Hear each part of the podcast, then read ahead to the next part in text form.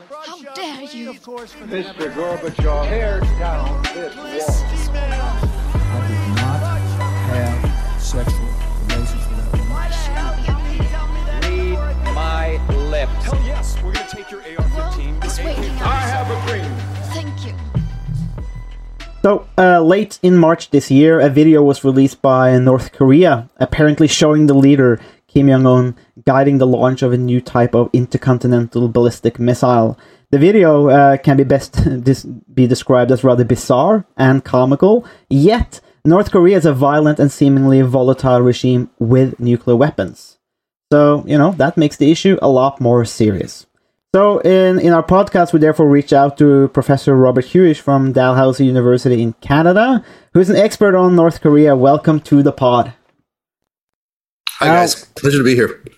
You know, we, we got to know each other in, in New Zealand, uh, staying at the same residential college in Dunedin, and and uh, Bob, I might say, because that's you know, I, said your name was Robert, but I always knew you as Bob. Um, you know, you, Bob. you know, he even introduced me to curling, uh, which was a fun time, and and on one occasion you gave a talk about North Korea and sanctions on the regime, and I still I still seem to remember that you pointed out that a Norwegian insurance or shipping company was involved in black market trading uh, with North Korea. So you know that's uh, kind of intriguing. But first off, can you just can you just tell us about you know what's the current state of North Korea and the Kim regime?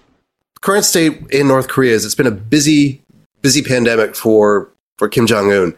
Uh, this year, 2022, we're seeing some things we haven't seen in a few years, such as North Korea starting to put projectile missiles up into the sky, and we're starting to see some jockeying of power within uh, South China Sea, with now a, a U.S. Inter, uh, aircraft carrier now entering international waters to try to protect and broker some of the tensions that are going to escalate between North Korea, South Korea, and Japan.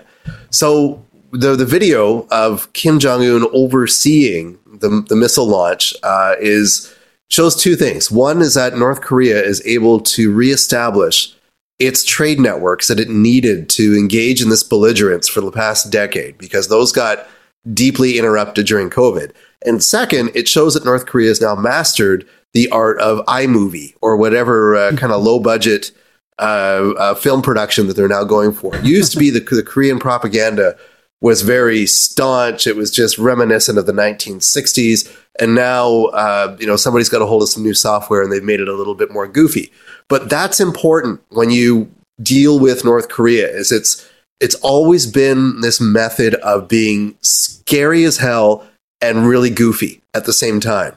And how that works is it plays out in two ways. First is that there is always a threat of some hostile reaction from North Korea to its neighbors, mostly South Korea and to Japan, and Japan in particular, because Japan is, of course, uh, within its constitution, cannot engage in war unless exactly provoked. Uh, so uh, North Korea likes to bully Japan quite a bit, and, and there's all sorts of cases we can get into from even kidnapping people right off the beaches in Japan.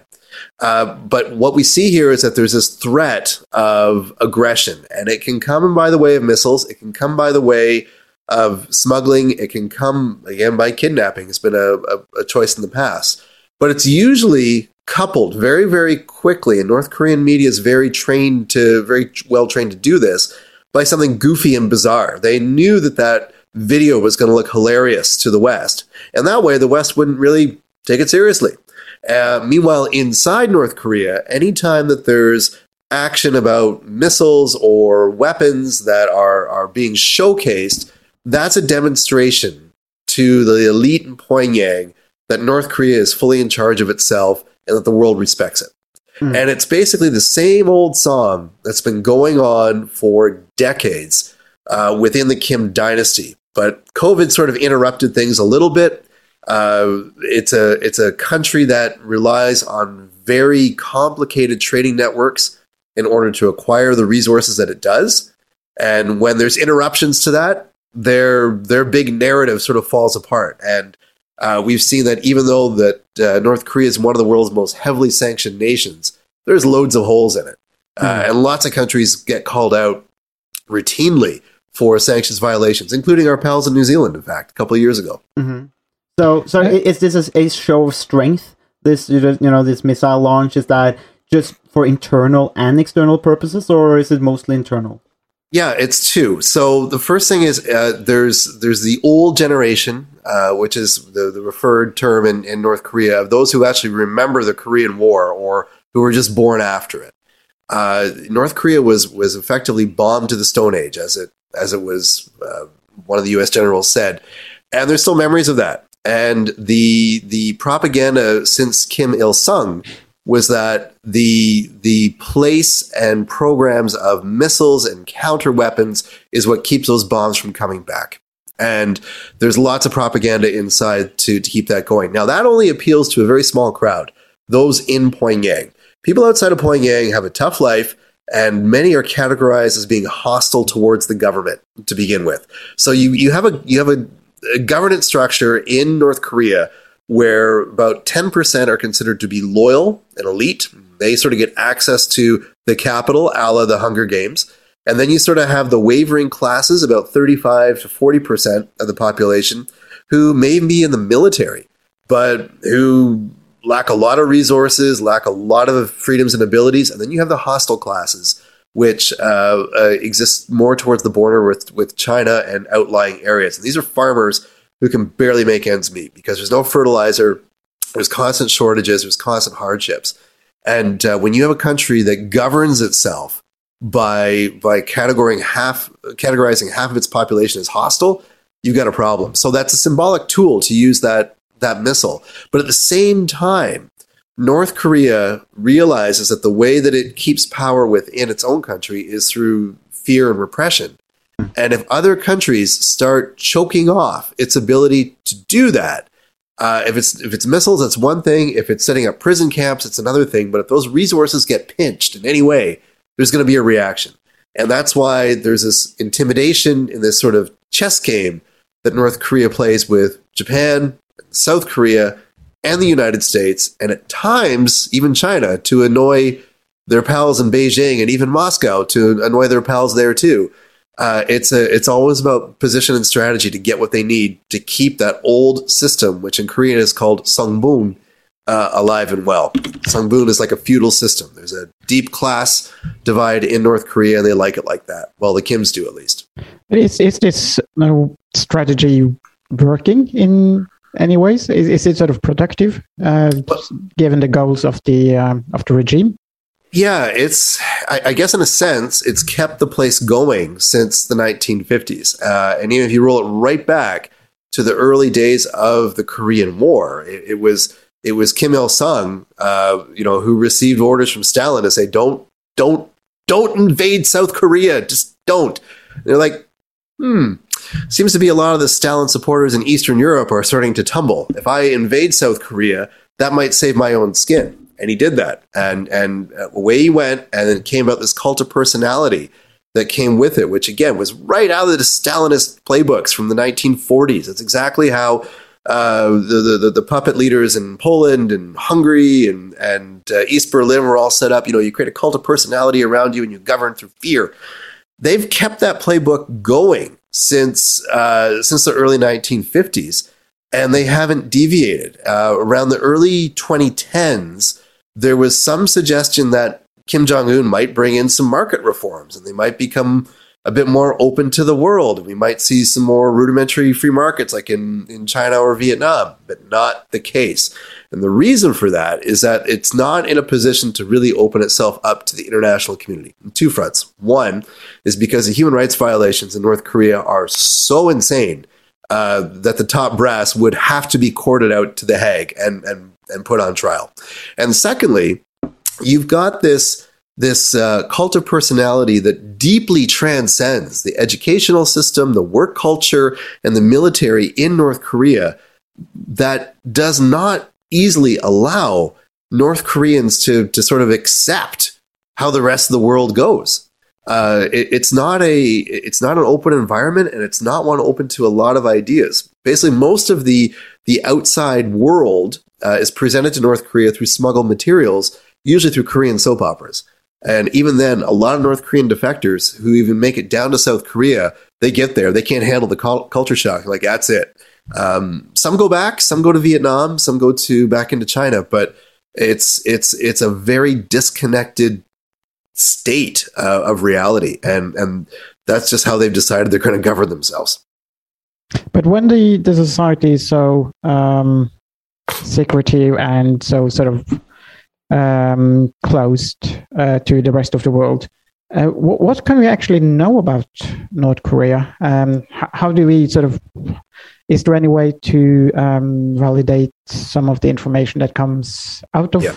North Korea, or is it how, how does that actually work in practice? That's a great point, and it's not an easy one to to legitimately say. Here's how it is. Um, the problem in North Korea is that you're almost dealing with with any sort of research methods about uh, how do you say you're you're trying to research what you can't research. It's really really difficult to back anything up.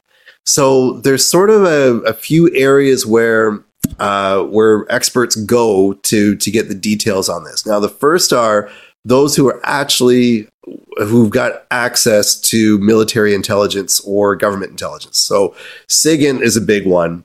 Um, uh, OPENT is another one, and then you know you're looking at your visual intelligence as well. So a lot of traffic uh, for satellite imagery is really important. Understanding what goes on in North Korea, but you only get so much with that.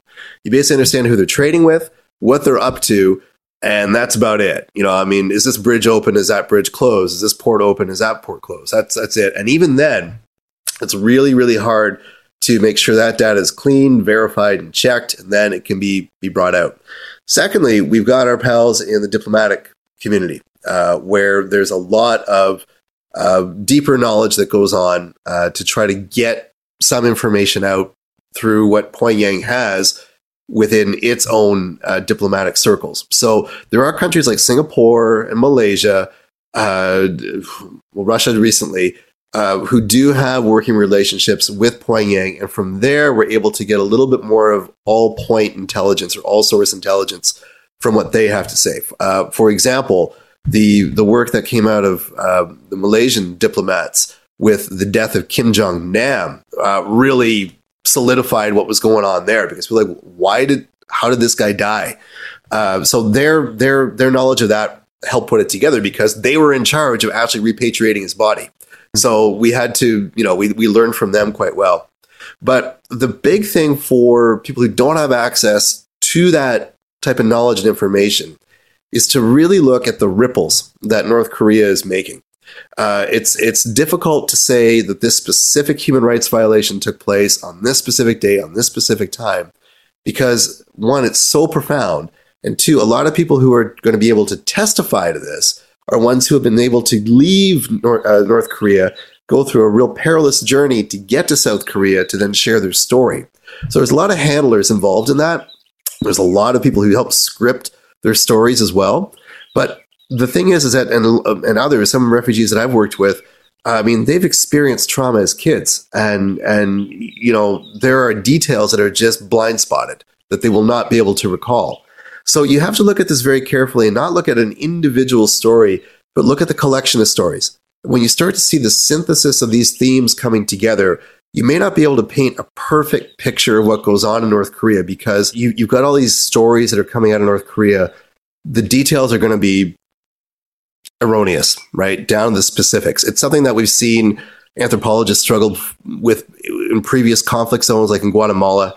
Uh, there was a famous case with uh, uh, Rigoberta Menchu's story being challenged over specific details, and, and you get that. But the UN has set up uh, truth commissions for North Korea, uh, and there's a lot of defector testimony that does come together and creates sort of a broader collage of, of, of, of what happens.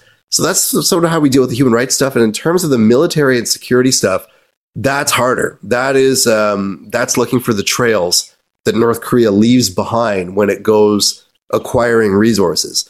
And the amount of energy and research that goes into that is enormous. So you have to rely on like dedicated services like NK News, NK Watch, uh, people who are getting up every day and just looking through these data sets to see what North Korea is up to. And it's not easy.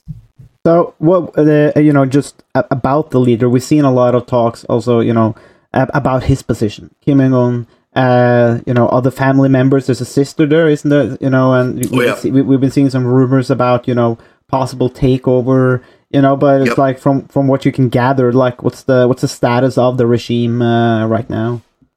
So the, the Mr. Kim has had some health challenges over the years. Um, he was a, he's a very heavy smoker, very heavy drinker, and loves processed cheese.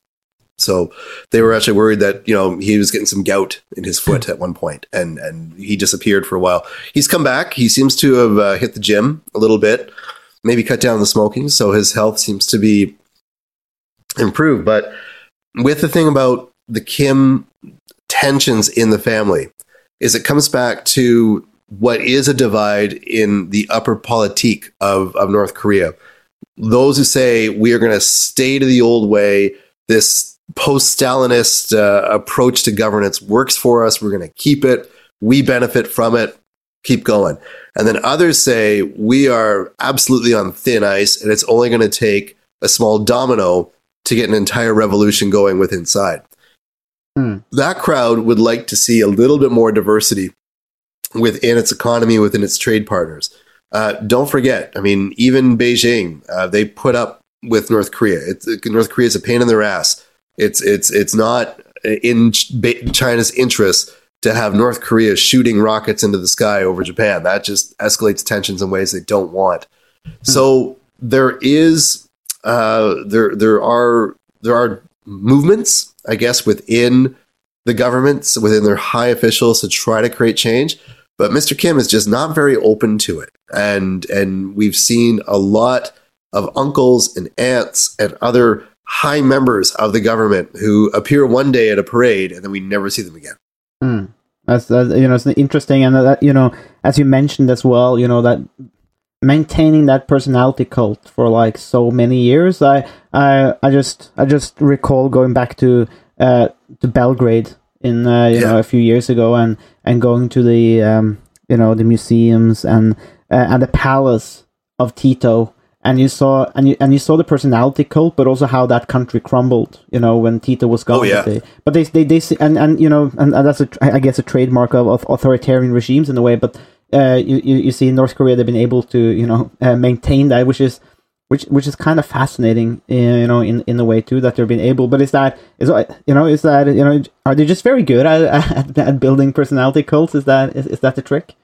Well, they are. Um, they've done a very good job of it over the years, and with three Kims that have that have that have come into power, all very different characters.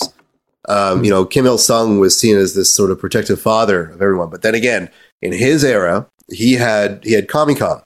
So when they ran short of resources, it was a quick call to Moscow and be like, "We need X," and it would eventually show up. There may be sho- shortages of it, but it would eventually arrive.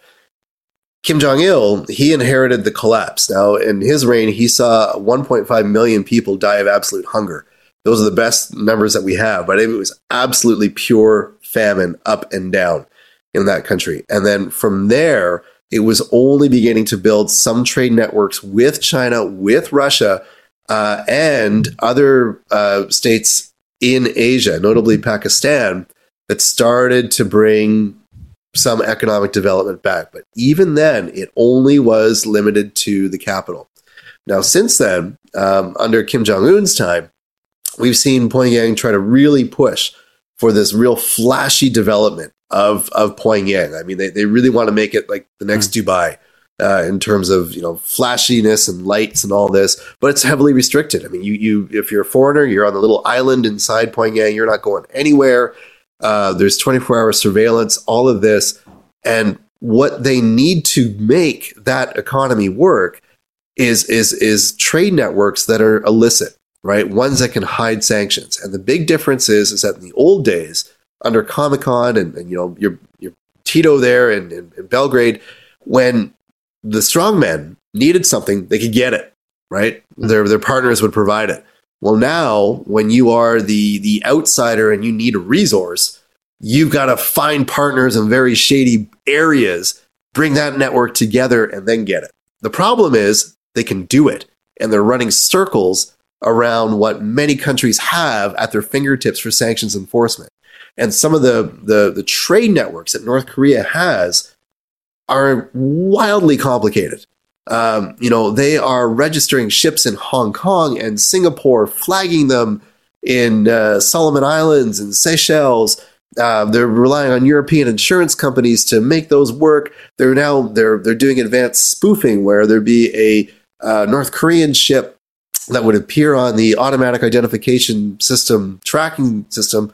It'd be floating at sea, then suddenly it would pop up in Western Africa, and then it would pop back, and then it would be like three names deep by the time that anyone caught on to it, and then that ship has changed companies three times. Like their ability to to make a mockery of sanctions enforcement is hilarious, and it shows just really, really, really how little resources we actually have to to put sanctions in a heavy hand to stop any sort of proliferation of nuclear material or um, or weapons in that way.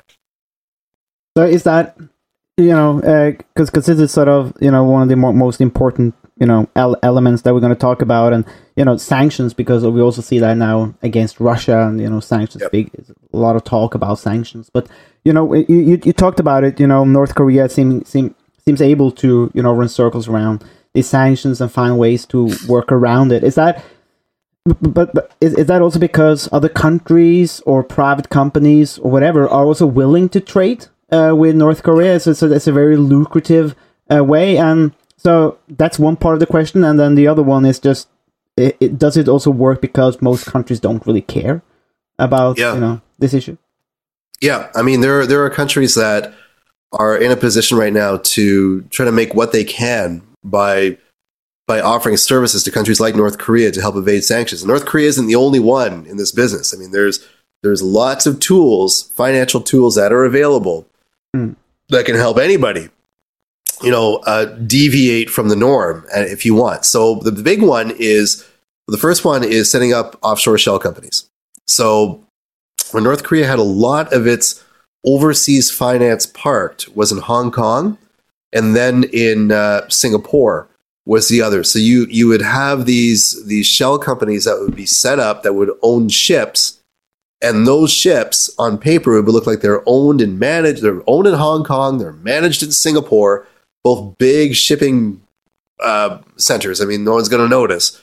And then from there, uh, the third ticket that you need to have a ship at sea is a protection and indemnity insurance, to which there are loads of providers out there, legitimate ones and fake ones. There's uh, Norway uh, Skuld, I believe, is the the one there who's uh, very famous for for offering P and I insurance, but then there's like fake ones that that were caught in uh, in Auckland of all the places, and and even in South Korea, they would set up uh, these fake insurance firms. So if a ship pulled in, here's my ownership, here's my management, here's my P and I. What? And then on top of that, the flag of the ship could also be switched around.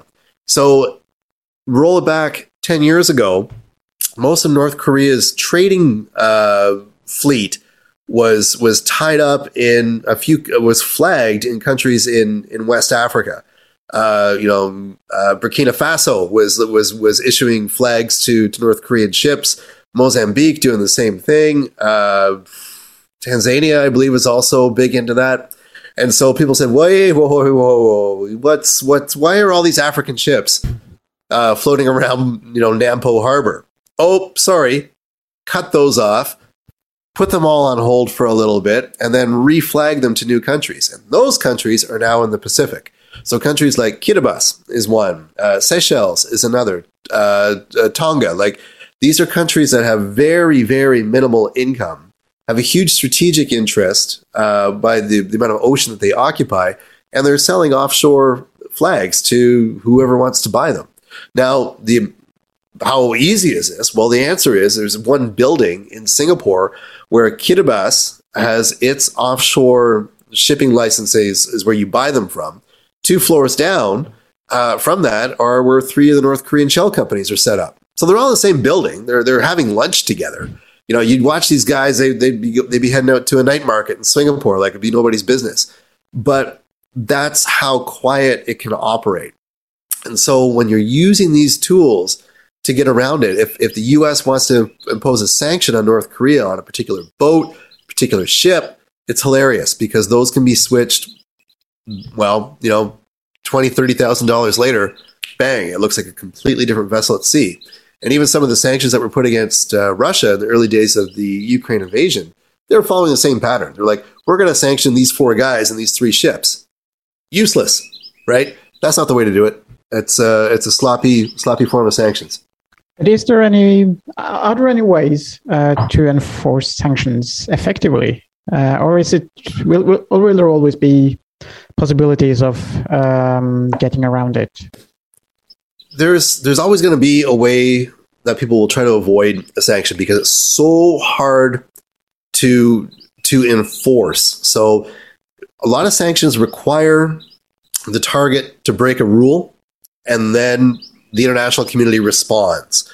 So that's that's the old way of doing it. Now, some countries like Cuba have been heavily sanctioned for years, and the ones that were put in in the early 1960s were completely ham-fisted. I mean, they just they, they just crushed everything in the Cuban economy as much as it could.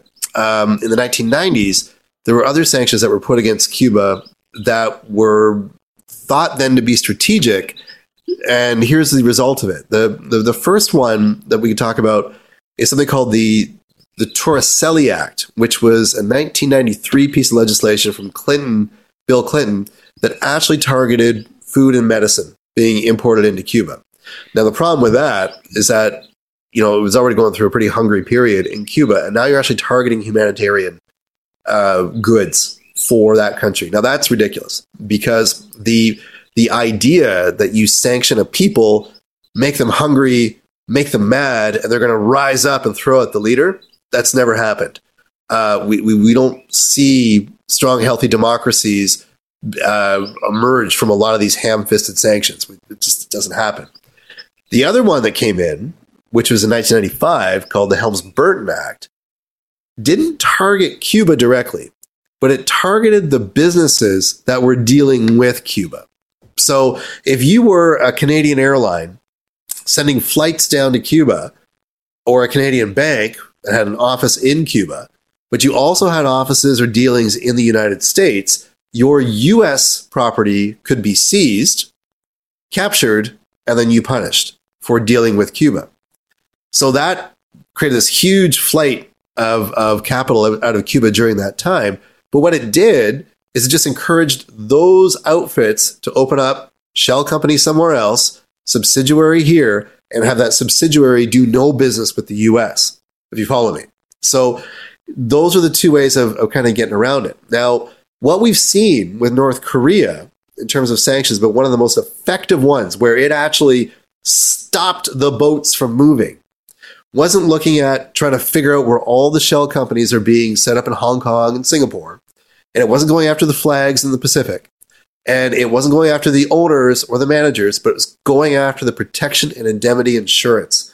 So in 2016, 2017, some reports came out that specifically identified the European insurers, the legitimate ones, who were insuring North Korean vessels. Now, I, I may have had a hand in hmm. writing some of that.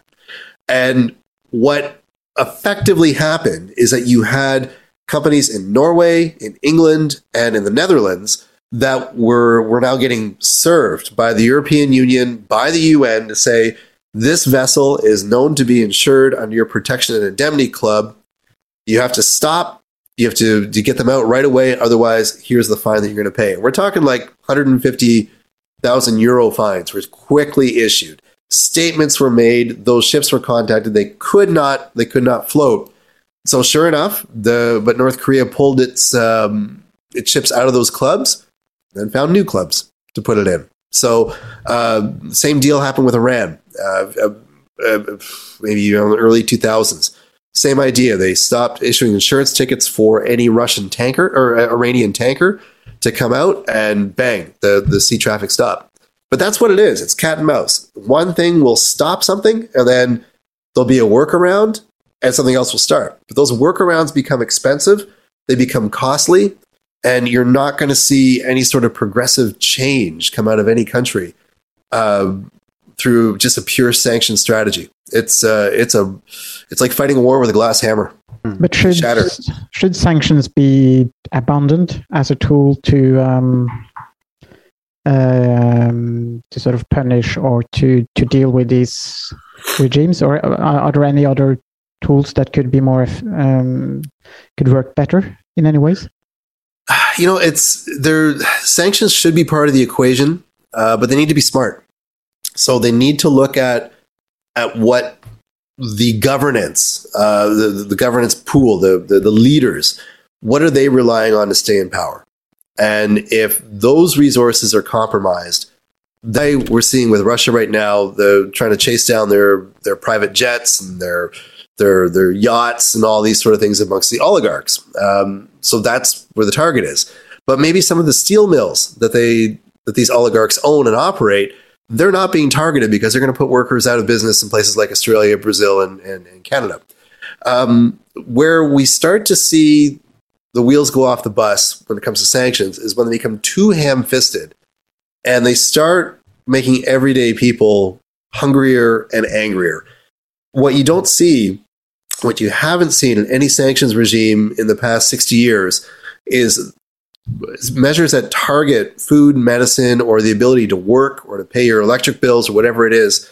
Something like that, seeing this boiling dissent come up from within and then overthrow the regime. So what what sanctions need to have is to be very very specific on who they want to put the financial hurt on. And secondly, they have to be coupled with something that allows for some sort of transition. And right now, there is no release valve. If it's in North Korea or if it's in Russia, about we're going to sanction you, sanction you, sanction you. We would like you to go away and no longer lead that country, but we don't know how to get you out and and that second step is is what's really missing from the equation and until then it's just going to be whack-a-mole cat and mouse whatever board game it is that you're playing that's what we're looking at So it has to be some kind of incentive for the regime to to change in order Yeah. to to make the sanctions work. yeah and, and that's something that maybe goes back into the playbooks from the 1960s when when that was sort of offered it's unpopular as hell because you're you're probably going to be putting a war criminal on a private jet and getting them out of the country but could it change the scenario i mean is there is there so much in terms of uh, human suffering that's going on there that that is needed. Otherwise do you go for full scale war? And when you're dealing with countries like north korea who've got nuclear potential i mean nobody's prepared for that. I, think that's uh, you know it's endlessly fascinating. Uh, you know this, you know the, the the first point about is companies making money uh, with the ships or the boats here, and it's, it's like you know you have these companies then making money, sort of contradicting the state sanctions and undermining the state sanctions. So you end up with a you know a, a, a rather unfortunate position. Uh, but it's a, it's a beautifully described you know that cat and mouse uh, game there. But then and then over back to back to the Russian argument or the Russian side here because you know, uh, you you do not want to escalate with NATO or other forces because you know the, the you know the prospects of war is so uh, horrific. But then, so sanctions, you know, must I guess be a part of the equation as you see, and they have to be smart sanctions. But uh, let's just uh, you know uh, go back to that point and and make it clear, I guess. So empirically, uh, there is no evidence or data that shows that these sanctions that hit that are hitting ordinary people like and, and sanctions that would hit ordinary Russians that they would actually work. And like because I've seen videos from YouTubers uh, who then who has now fled to other countries uh, because they can't get paid anymore right? But then Yeah. one of the guys did a video and he's like walking around in his home city and you see like 200 meter queue outside the ATM nobody's getting money. People are getting angry. You see the shelves in the supermarkets empty. People are also getting angry. So basically what you're saying here is that empirically there is there's nothing that indicates that this will actually work in uh, you know in, ma- in making Russia change its course. Right. I mean, again, rolling back the history of sanctions a little bit, when we see them imposed like this, um, there's no guarantee that people are going to side with the issuer of the sanctions. And in fact, that's rarely the case. And I'm thinking Cuba. Uh, in the 19, early 1960s in Cuba, I mean, it was teetery. There were people who were really, really supportive of, of, of the revolution that was going on. I mean, it wasn't even declared a socialist revolution, just saying we just want better energy prices and kind of access to our own land. Beg your pardon. But after 1965, things changed. Uh, that's when you know there was there was now this this uh, la- uh, inability for people who disagreed with the regime to leave. And when that was cut off, and you now had people inside Cuba or outside Cuba, and there was no going back and forth, those who stayed became nationalists. They became proud as hell. And even though there was some lunacy policy that was uh, that was imposed in Cuba in the 1970s, people stuck with it. And and you know that that ability to, to sort of off vent the, uh, the, the the internal dissent went away. Um, ditto with other places like you know why why are, are there heavily sanctioned nations like uh, I'm thinking Myanmar, for example. Yes, there was a political turmoil a couple of years back, but military's back in charge, and we're not hearing a whole lot about it. Uh, you cannot guarantee that people will side with the issuer of sanctions because that can be spun so quickly um, by the internal regime to say, see, it's the fault of the West. It's the fault of the international community. Stick with me. I'll protect you. And we, we hear that song from, from Venezuela to North Korea to, to Iran. Um, anywhere that's got heavy sanctions on it, you hear that song. But, but, but then in relation to Russia now, so you know how do you see these sanctions play out in uh, in uh, with Russia and you know that that you know and the rel- relationship I guess between especially the Western countries but also Russia do you, do you think the sanctions will work do you do you see need for different sanctions or yeah I think I think they're going to need to really rejig uh, some of the sanctions that have been imposed because there's some of the initial ones that were offered were pretty gentle um, I mean the ones where they they were you know, putting penalties on U.S. Treasury debt and any U.S. assets within Russian banks, there was a 30 day window to move the assets in and out of, you know, they were imposed on February 17th. You had until March 17th to basically clear your, your accounts and settle your debts. Like, ah, that, that, so whoever was making money on this did fine. I mean, Burger King is still operating there. They're proudly like, we will keep serving our terrible cuisine to the Russian people. So there's always little caveats that that come with it.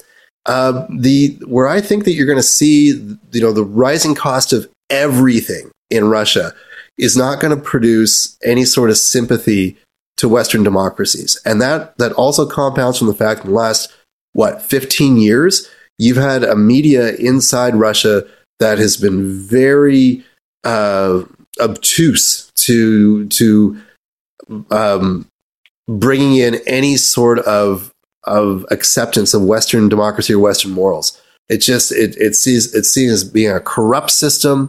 It's a system that hasn't benefited Russia. There's more, you know, supposed guidance in uh, in in going with with with Russia's approach to international affairs than trying to rely on the West, and and that is just going to be only furthered when people are paying more for the basics.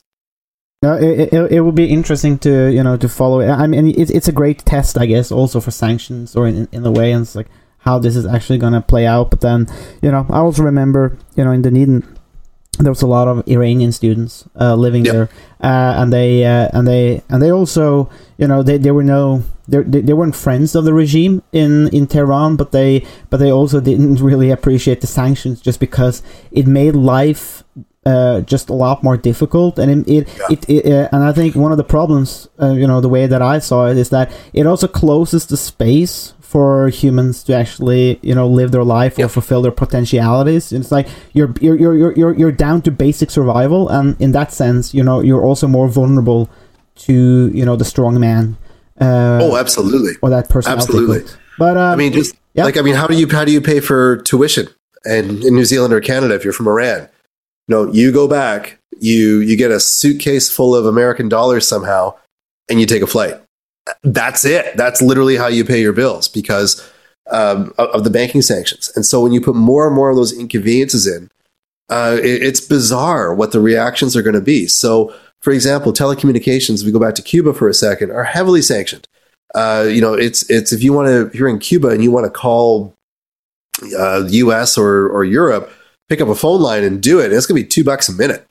Uh, so how do you actually do it? Well, there's a system set up now where if you're in the U.S., you can put money on a Cuban phone and they'll double the credit for it. So you put twenty dollars on it, you get forty dollars in credit. It's a way of um, it, it's a way of getting uh, money into the country that that again is illogical, but it's a survival skill. Uh, that's really interesting. Uh, I mean, I, I, and I'm looking at potential questions, and I'm also looking at the timer for the podcast. I'm thinking, Sure. shit, uh, this is this is gonna we, we, we need to do more episodes, I think. But I was, uh, I, you know, as a last question, I was just gonna just gonna ask you any any crazy stories about your uh, uh, dabblings or your work with North Korea? Any um, any, any anything that shows like you know how exciting a life of an academic can be? You know, someone who works in the right field. Yeah, well, there's there's sort of um, there's one story that goes together, and this is this has to be one of the highlights that uh, that sort of brings the teaching and the research together. Uh, I was working in in Seoul, talking with North Korean defectors. So these are people who have gone north through China and then through one of several routes to get to Bangkok, which is the first unguarded South Korean embassy where they can then be migrated into to South Korea. And so we're talking about all the details and the stories. And, and the one guy says, you know, if you really want to study, understand how human rights works, follow the money. And that just made me think like, let's, let's, let's do it. And at the time, there was so much that was being focused on China providing aid to North Korea, but it didn't make sense in terms of why, you know, missile hardware and rocket fuel and these sorts of things were coming in from from China because they weren't. They're coming in through the sea. So we started looking at maritime security as a as a way of of seeing where these uh, you know resources were coming into the country. That was great fun trying to track those boats, and it even got the attention of several militaries around the world. So I did have the opportunity to to sit down with some colonels and some captains and be like, "Here's a list of ships. Here's how we found them." Would you care to deal something with this? And and the answer was yes, of course. And so you actually saw policy change around that. Now, when I came back to to Canada and started teaching about that, you know, you can only teach so much about it, and then students want to get involved with it. And so one of the things that we we started to to do was to to reach out as a class assignment, work with some of the the human rights groups who have got people on the ground in China who help shepherd North Koreans to safety. And as a class project, we actually spent our time raising funds to to send to this group to help smuggle people out of North Korea. And where that money went, it went to uh, paying for fuel for the buses, paying for shelter and accommodations, medical supplies, translators, forged Chinese documents, right? So when you're putting that together as a class project, and and and the university's like, you're ra- you're raising money for what? oh, we're just forging some Chinese documents. Don't worry about it. Um, this is not your typical bake sale in the student union building. And in the end of it, we we were able to get a family out of North Korea into Seoul. And uh, you know, was it a little bit loosey goosey? Were some of the were, were some of the uh, admins a little bit worried about what we were doing? Yeah, sure. But you know what? Let them sweat because we actually helped somebody save their life, and students were directly involved in making that happen.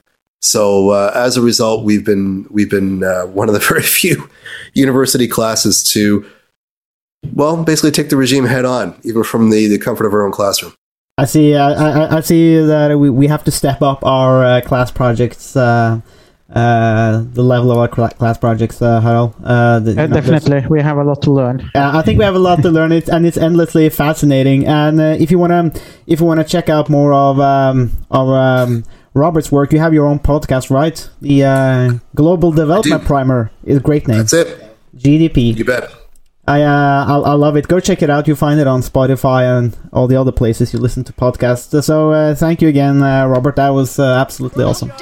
Great. Thanks, guys. Really appreciate it. Takk for at eh, du hørte på Statsvitenskap og sånt. Har du spørsmål, kommentarer eller tilbakemelding, så er det bare å ta kontakt på vår Facebook-side, per e-post eller brevdue. Musikken er som vanlig laget av Robin Horvath, og Mats Halvorsen mikser og redigerer podkasten. Vi høres!